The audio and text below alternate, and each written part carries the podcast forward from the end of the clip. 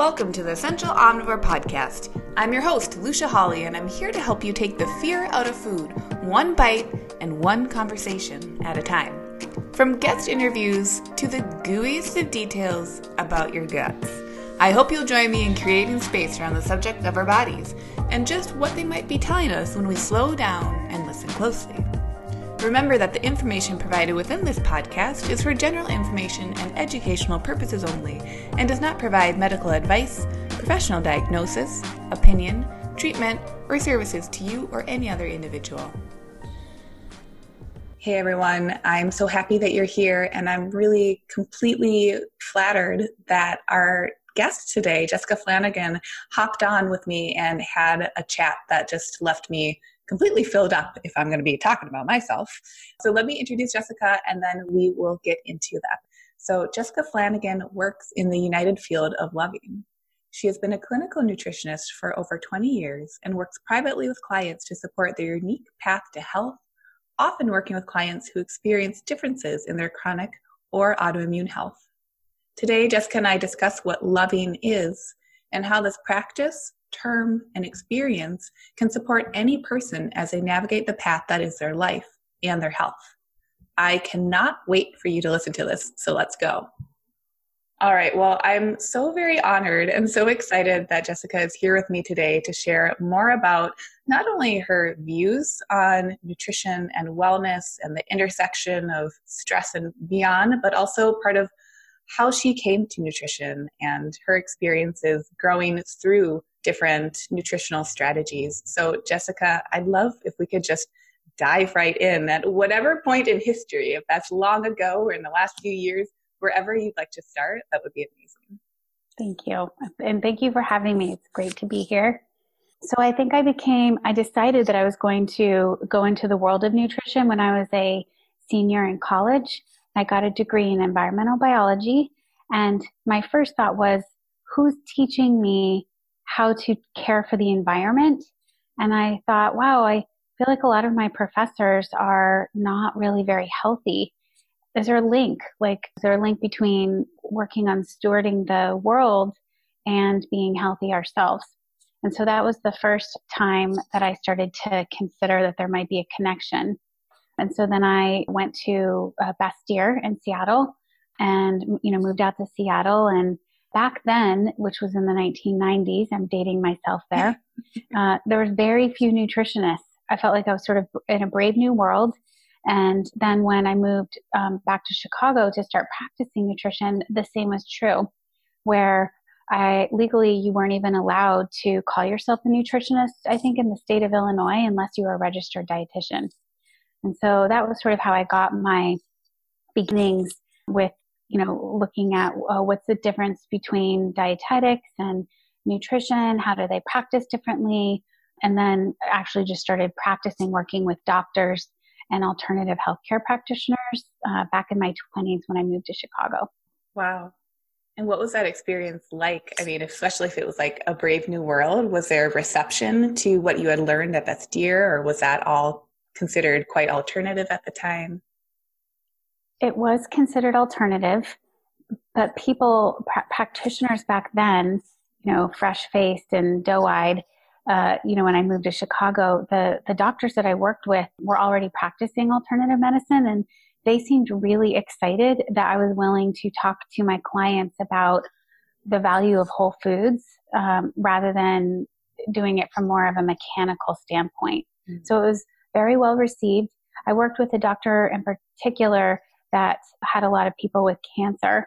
And so I was able to have my very first clinical leanings with people with cancer and oh what do we do when we change our diet when we get diagnosed with cancer and what kind of foods are helpful during radiation and chemo. So that was really eye opening and i learned a lot. That was where i first learned about macrobiotic cooking um, was through that doctor because he asked all of his clients. I mean, and this was back in the 90s so there was no paleo back then uh, there was no keto. Um, sure. And so it was, you know, macrobiotic, like, wow, I'd never even heard that word. Mm. Um, and so it was fun to understand more about food and nourishment. Yeah.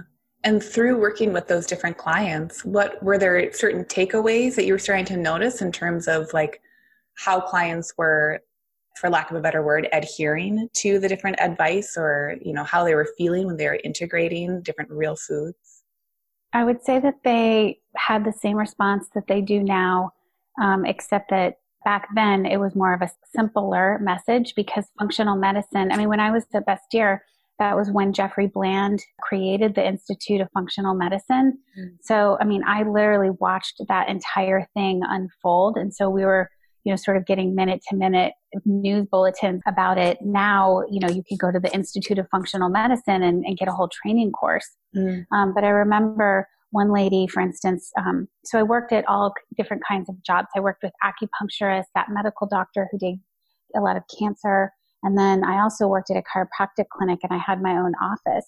And I remember one lady who came in who um, had ulcerative colitis and nothing had helped.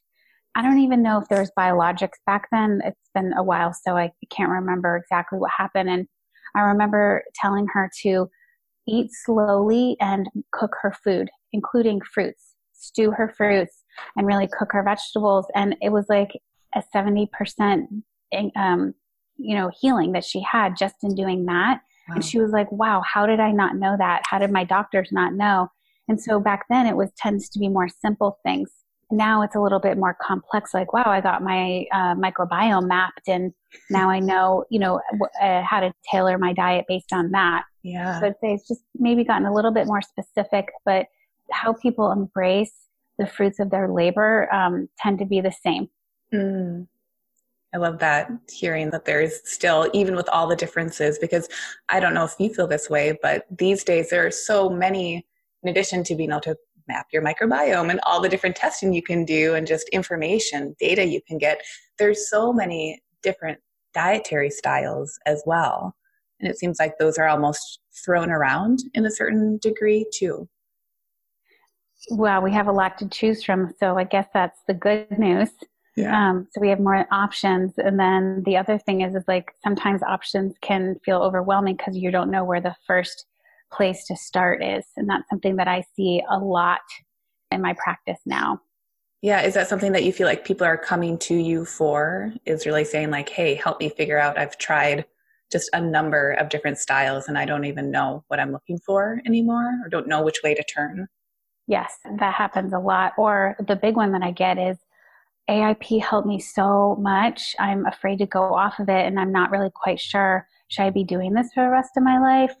How can I have lupus and still like enjoy my life and not feel like I need to be on a restricted diet, you know, which at first feels like liberation because people feel so much better and they feel so empowered. Mm-hmm. And then, and this doesn't happen to everybody, but then over time, you know, I, I see a lot of people feel like, oh, wait, this now I feel like I'm backed into a corner. And I feel like my choice is being taken away from me. My only choice to heal my immune system is to stay on this restricted diet. Mm. And so then I have two questions from that. So, from a functional standpoint, can you describe, at least in your opinion, what you think is happening when someone is on that restriction for that amount of time?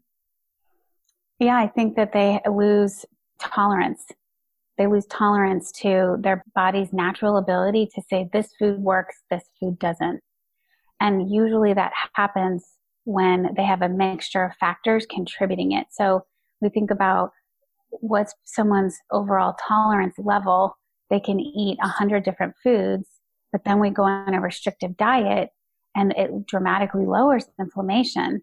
Um, but because there's all these other factors that didn't get addressed when they went on that restricted diet, like they have an overgrowth of bacteria or they have parasites or their digestion secretions aren't working well, um, then what it does is it takes away, it chips away at the immune system's natural ability to tag what's problematic and what's not.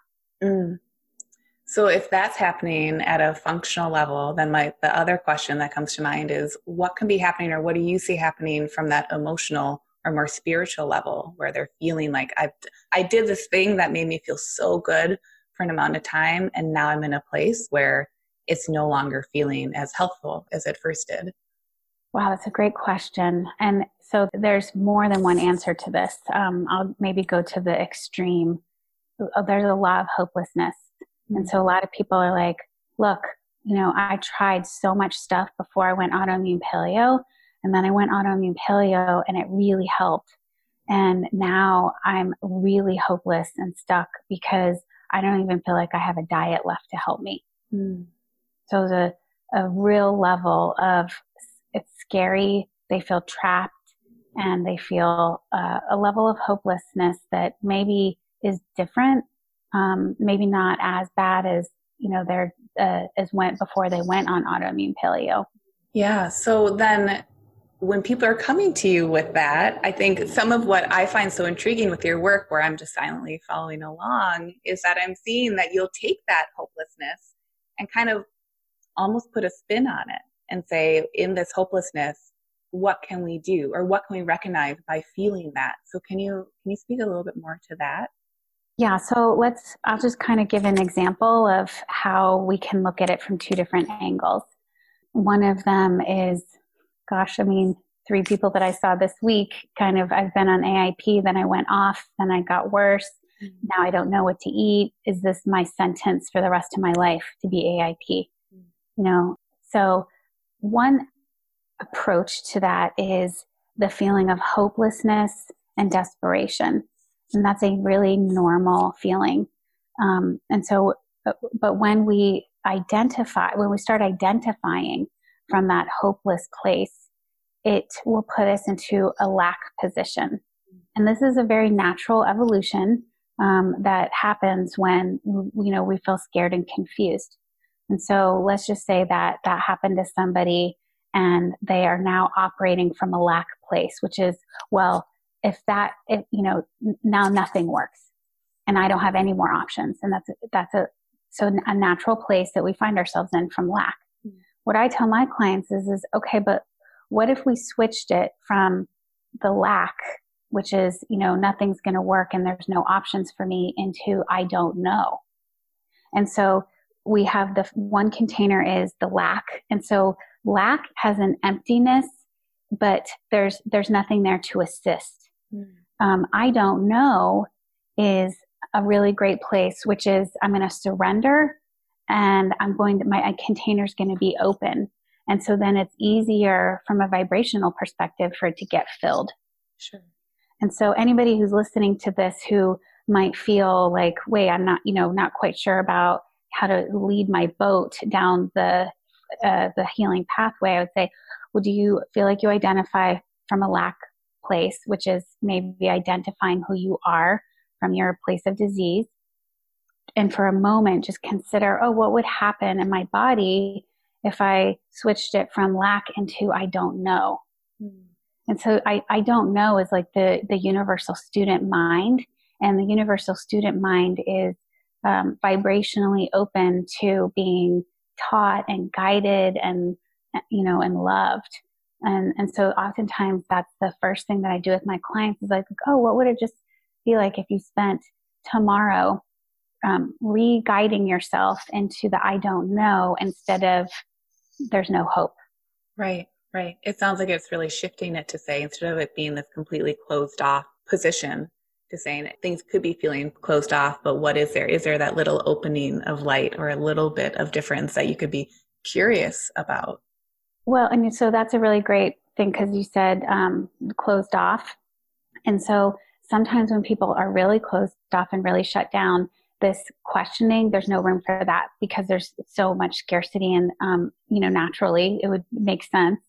And so then what I do, if that feels too overwhelming for my clients, is I start them spending a little bit of time each day really appreciating how they're locked down, which also seems counterintuitive to so many people because they're like, but wait, you know, that lockdown feeling doesn't feel well to right. me. Um, but what we do and we have appreciation for something that we have in our life that has kept us safe, even if it's not the form of safety that we ultimately want.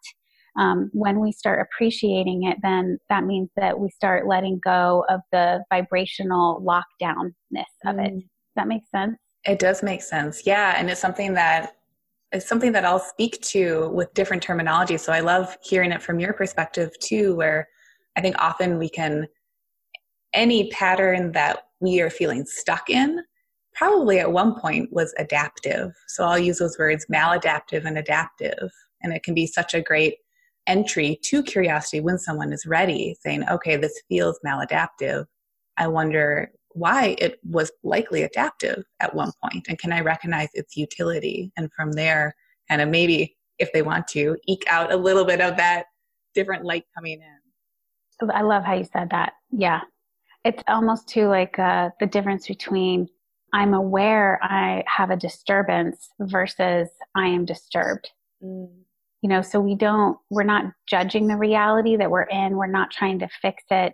We, we literally just can, with a slight movement, shift our awareness through choice and intention, you know, to what it is that we want to focus on. And for people who are really exhausted, spiritually, emotionally, mentally, and physically exhausted from the challenges that come along with chronic illness, they find a relief in that. Like, oh, wait, there's not something wrong with me. I was like, no, you can, you know, is just start observing, uh, admiring, admiring what you think is wrong with you.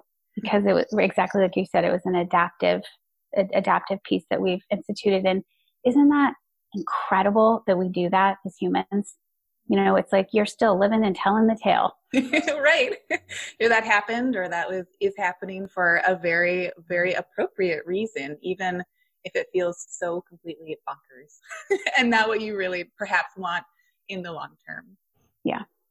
yeah. So, and I'm sure that everyone, every client or every story that you hear or see is going to be different. But once that is invited in, some of that curiosity and a little bit of change of that frame of mind, is there anything that you notice that changes from, again, more of that maybe physiological standpoint? So one of the things that I ask my clients a lot is, what are you experiencing in your body? And then another thing that I ask them a lot is, well, what did you decide? So to answer that, I would say, you know, I, I really keep my clients engaged in what is going on because they can really understand that there has been a shift when they experience something different in their body. Like, mm-hmm. oh, I, my chest isn't so tight. Oh, I, I feel a little bit more calm oh, my, my heart isn't beating as fast. And so what that does is it sends message down to the basic self that they're okay, you know, and that, that, um, them just going in and looking at that uh, misunderstanding that they held about their own self worth, for example, shifted. Mm. So what I tell my clients is don't take my word for it. We're going to take your experience. Um, you know, you're going to give me feedback about your experience and, and, and that's how we spin the the hay into gold. Sure, right, right. This really it really sounds like it's reinforcing the idea that they can be continuing to trust their body. Yes, they can, even if it's scary. But I would say too that the the steps to trust our body is an incredible journey and it's one that always starts with the heart. Mm. Can you say a little bit more about that? So when we consider the, the nature of our loving and the power of our loving and that we have all the tools that we need to heal inside of us already, then it lets the mind off the hook to think a certain way and it allows our body to be the temples of information and not the identity. And so we we shift it into I have the ability to touch my own loving to all the places that hurt and that's the highest form of healing we humans have on the planet. Mm. Would you say that that is your definition or one definition of loving? It is. I believe that love is the glue of the universe. Mm. It is what is keeping all of the molecules and atoms in motion, and it's what holds and binds DNA together. You know, it's the space in between the vastness of the planets in the universe I do. I believe that. It's just the littlest thing and the biggest thing.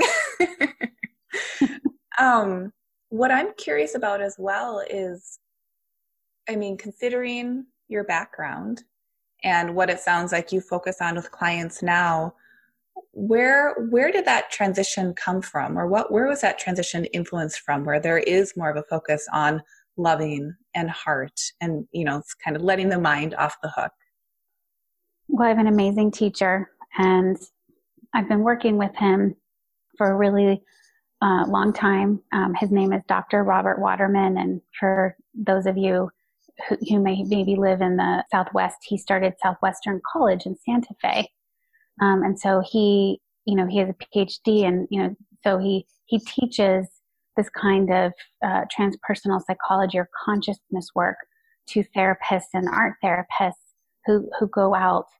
Um, I worked with him privately and, and have for 13 years now. But I really started this work in earnest when my life fell apart. My ex-husband, who was my husband at the time, who I had my daughter with, had cheated on me and left the marriage and then we lost our house and you know like every single thing that I knew as my own life pretty much fell apart and got reworked. Mm. Um, and so I started working with my teacher a lot more, really out of suffering, um, because the quandary that I faced when all of that happened was, but wait a minute, I do everything right. I'm already a nutritionist. I already eat a great diet. I already meditate. I already go to therapy. I'm already the kindergarten class leader. Right. You know, like, wait, hold on. What more boxes do I need to check? And what happened was I realized that that's how we, you know, try to gain importance and safety from doing the inner work, which is really reflecting on the places inside that hurt. Mm. And I hadn't really been willing to do that in my life until a really big thing happened. And for me, I was really stubborn. So I almost got to the point in my life where I didn't have any options left. And I was finally willing to be with myself hurting. Mm. And what the, the thing about it was, was that I kept trying to negotiate how long that was going to happen.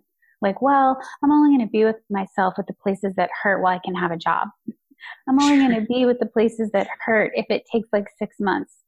And it wasn't until I let go of all of it, which took a number of years, even after my life fell apart, mm. for me to really be willing to make that kind of dedication to myself on my own behalf. Sure.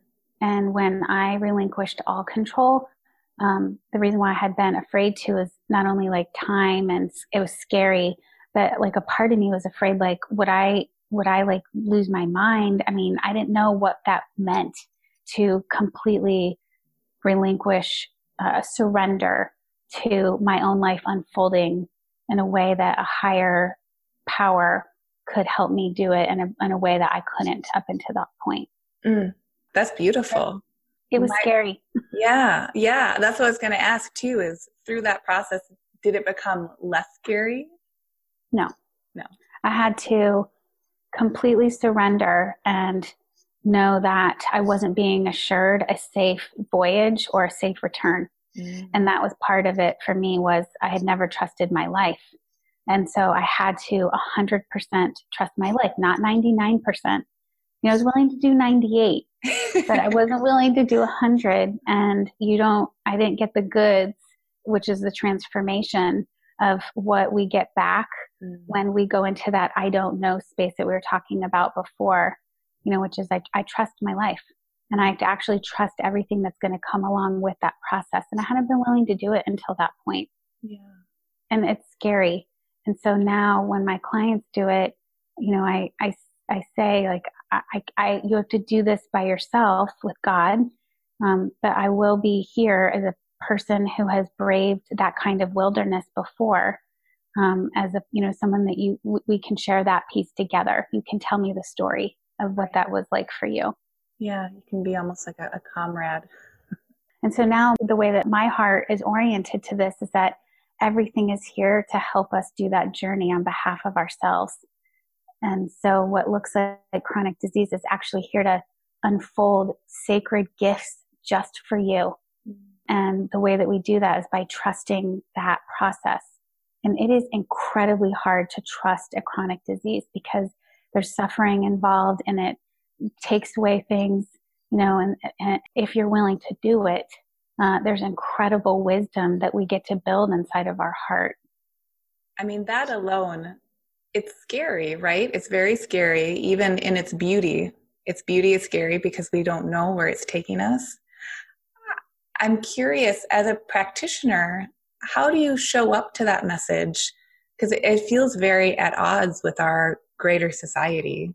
similar to, you know, like eating real food, a very alternative to standard American diet and kind of Western thinking. So, does that practice also then assist you as you're perhaps navigating being a practitioner who is really inviting this loving viewpoint that is even in the alternative world, I would say partially it's a different lens on that alternative. Does that make sense?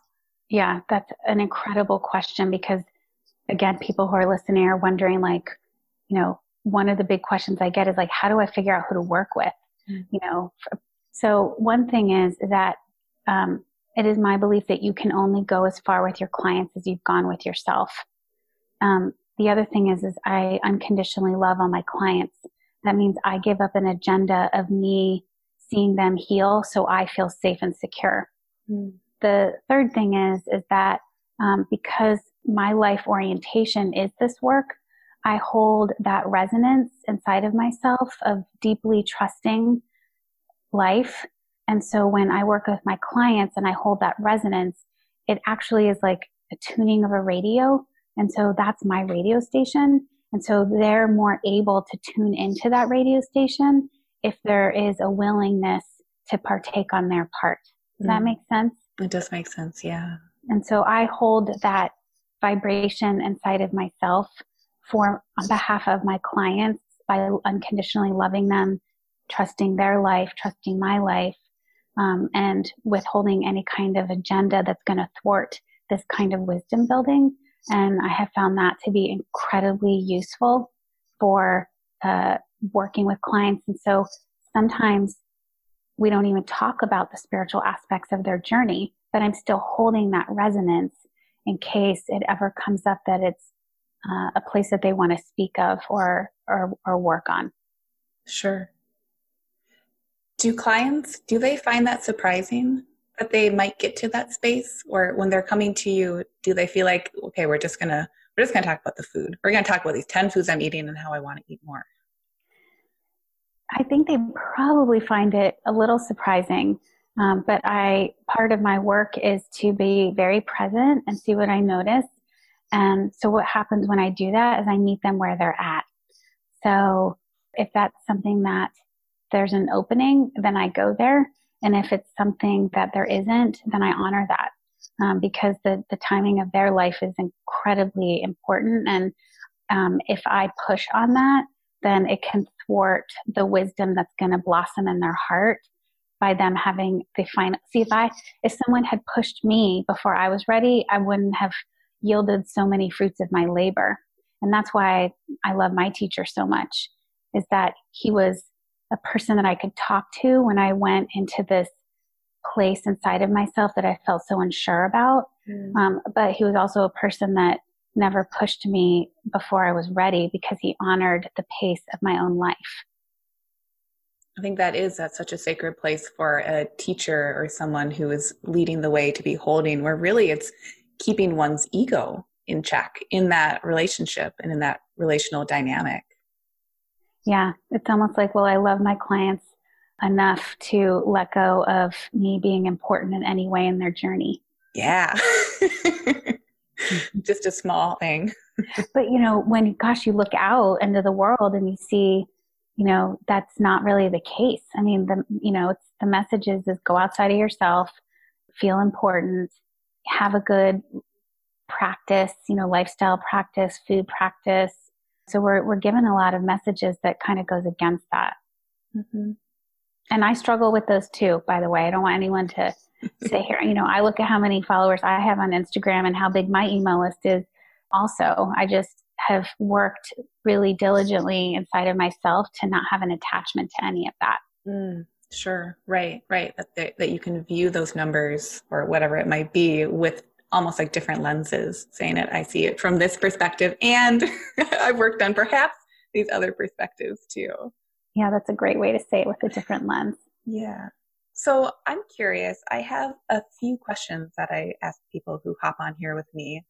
Um, given what we've spoken about and anything else, everything that has informed how you've come to today in the present moment, I ask this question. I know it's very broad and very big. I'm curious, what is your idea of health? I mean, my first thought was my idea of health is the truest remembrance inside of ourselves that nothing is broken. Mm. Like feeling that in each of ourselves. Mm-hmm.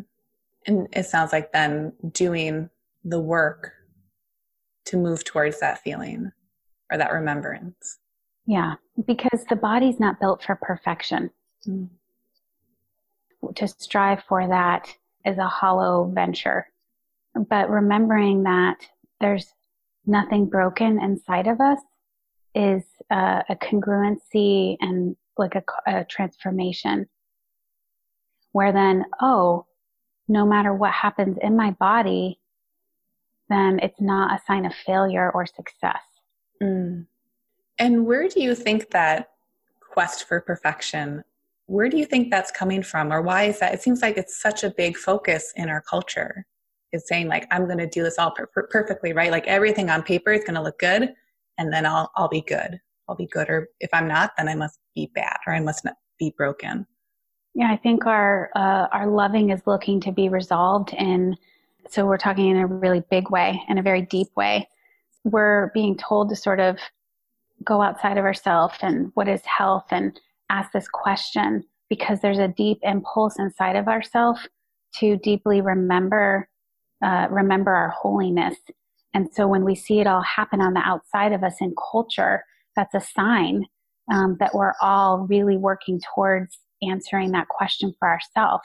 Mm. Sometimes, you know, we, we do it outwardly and it doesn't work and it's ego based and it's built on lack. And sometimes, you know, we break through that into a deeper understanding. And so what I would say is I see that that's just a symptom of the desire that um, we all have. Sure. Which means nobody's off track and everybody's going to get there eventually. And I love that too. I love that because when I was growing up, I was like, whoa, wow, I had such a hard childhood. I need so much fixing that I'm going to be in therapy for the rest of my life. Mm. And, and so, and I remember like one friend was saying how, um, you know, because she had had such a, a great childhood, there was so much less work to do. And I was like, wow, that just like I'm bummed. I'm bummed to hear that. Yeah. this so that's like an ego orientation or fix it orientation. You know, the less that you have to fix, the quicker you get to God, right? Right. And so, um, thank goodness I had that question come up um, because now I realize that it's not about the the the more that you have that feels broken, the more that it that's pushing on you to discover the abundance of the loving. Mm like it can't escape us because it's stalking all of us. it's there. yeah. I so deeply resonate with what you're saying. And do you have people who ask, like, how do I know when I've gotten there? And I'm using air quotes. Like, how do I know when I've gotten to being the most loving or being more loving? People who are kind of looking for almost like structure to it yeah, I don't think that there is because I think that's also a ego thing of like, oh, I've arrived, so now I can stop. There's always a, a deeper, deeper place inside the folds of the loving that we can keep going to. Mm. So I'd say, oh, well, uh, am I willing to be a student to this for, you know, for as long as I'm here? Would be more of the question. And so then what's going to happen is, is that then it's going to start refining itself and so we might have big moments where we really feel that and understand that to be true. And that truth is, you know, builds up inside of us and, and love loves us so much. It's going to keep deepening that. Mm. It's a continued so that, invitation. Yeah. Yeah. So then my next question is, what is your idea of happiness? I think my idea of happiness is knowing that I can't, that there's never going to be a time that I'm disconnected from God. Mm. There isn't anything that's going to happen to me or unless unless I decide myself that I want to be disconnected. But for me, the, the happiness was my loving is sufficient and I'm never going to be disconnected from God.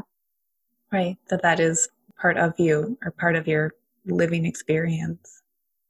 Yes, and it, that was experiential on my part. You know, I had to really experience that to understand that to be true. But I did that through my willingness to completely trust my life 100% versus 99%. that 99% is very intriguing. mm-hmm. Sounds very comfortable. And I remember when I did that. I remember when I laid down, I was like, fine, fine. I'm just to do it. like I was so mad and frustrated and, and in pain and suffering and feeling trapped and scared and anxious and depressed. And I mean, like, my goodness, I had such a great laundry list going. And I remember when I lay down and did it and I was like, okay, take me. Like I, I fully surrender. And I, I remember I just did not even know if I was going to get up the next day. Like, a, uh, and I did get up the next day and I, and I write about this in my book a little bit and I got in the shower and I remember I didn't need to sit down in the shower from the grief fatigue I had been feeling. It was the first time that I wasn't crying in the shower after I'd done this. And I was like, oh, well, that's interesting. you know? there's a difference. Hmm. Yeah.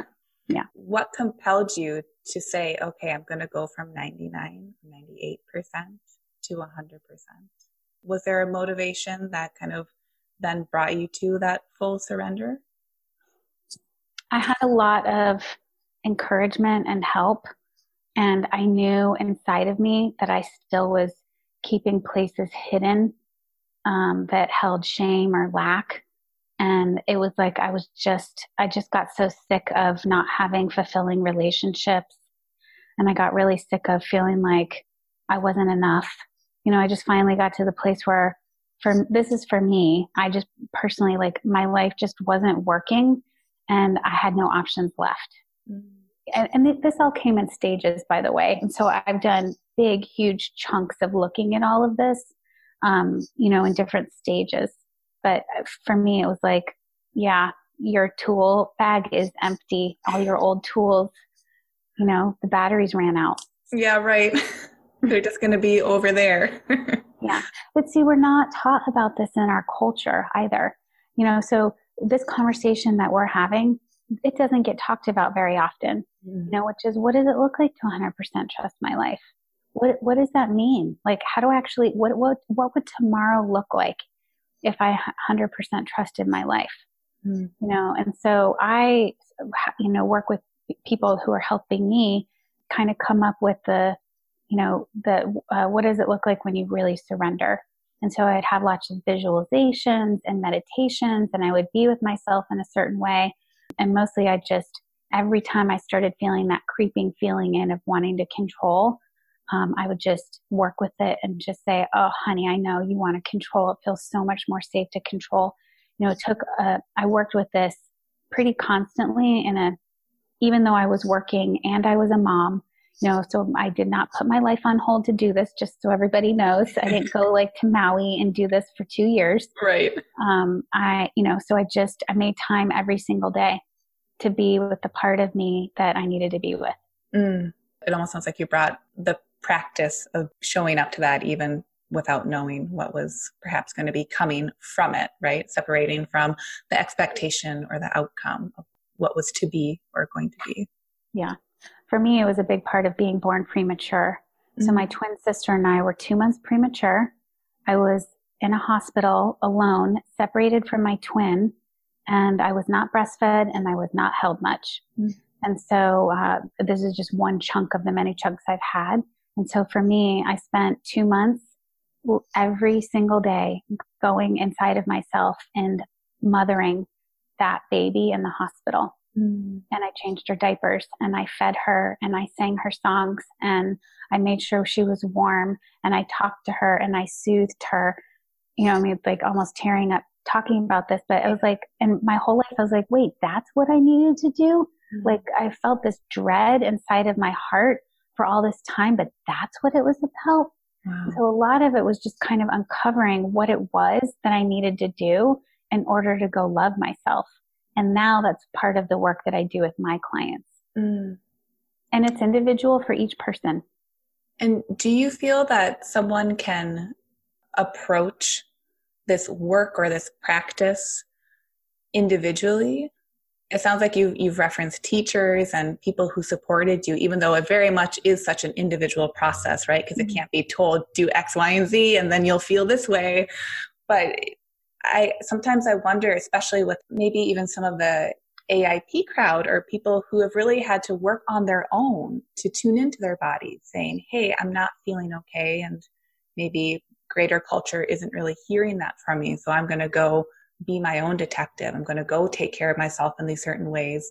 Do you feel like this is a practice that can align with that, or is finding a community supportive?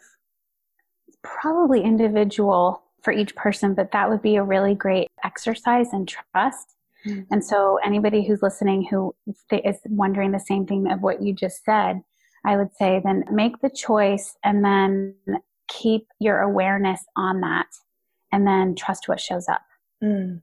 You know, so make the choice that you want to be guided effectively and thoroughly, and then keep, you know, keep your focus on that mm-hmm. and then trust how it shows up. And then you might all of a sudden, like, you know, uh, be on the internet and you read a blog post and then there's a link to somebody you'd never heard of and you're like, oh my gosh, this sounds perfect. You know, or an online program or a book you know, and so it's, uh, but our openness, our open heartedness and our choice and how we focus on it, I feel like takes care of a lot of that question. Mm, sure. So, this last question of mine that I ask most people is a deviation. Perhaps, maybe, maybe it won't be. Um, what is your favorite word? I think my favorite word might be more of a sound. Mm um, and that the sound would be that of God or love, which I consider to be the same sound. Mm-hmm. And so, and and we can make that into a word, you know, just by um, our awareness. And so that would probably be my most favorite word. I mean, I guess if we had to say, it would be God. Sure. And that I believe that that word is actually a sound. Mm. Definitely. Yeah, that the word encompasses what that sound is. Yeah. So then one of my last questions is what do you notice when people start to invite these types of practices? Well, I would say maybe more like emotional, spiritual practices. How does that then affect their physiology or their bodies from that functional standpoint? Well, I think that what we'd want to say is is that they get healthier, right? Yeah. Um, but we don't always know what the the path to our own holiness is going to look like. So what I would say is is that all of our cells hear the messages that we send to them.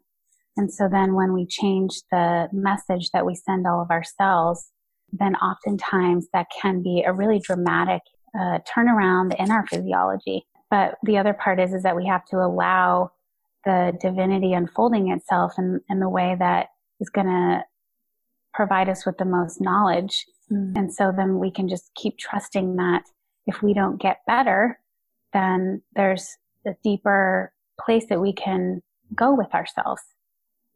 Right, you right. Yeah, yeah. So that our potential or maybe more initial idea of what health or wellness is or what positive steps towards that looks like might not be once we're able to trust our bodies and our body's knowledge and this practice, those steps might look quite different, or they might look a little bit more like a winding path.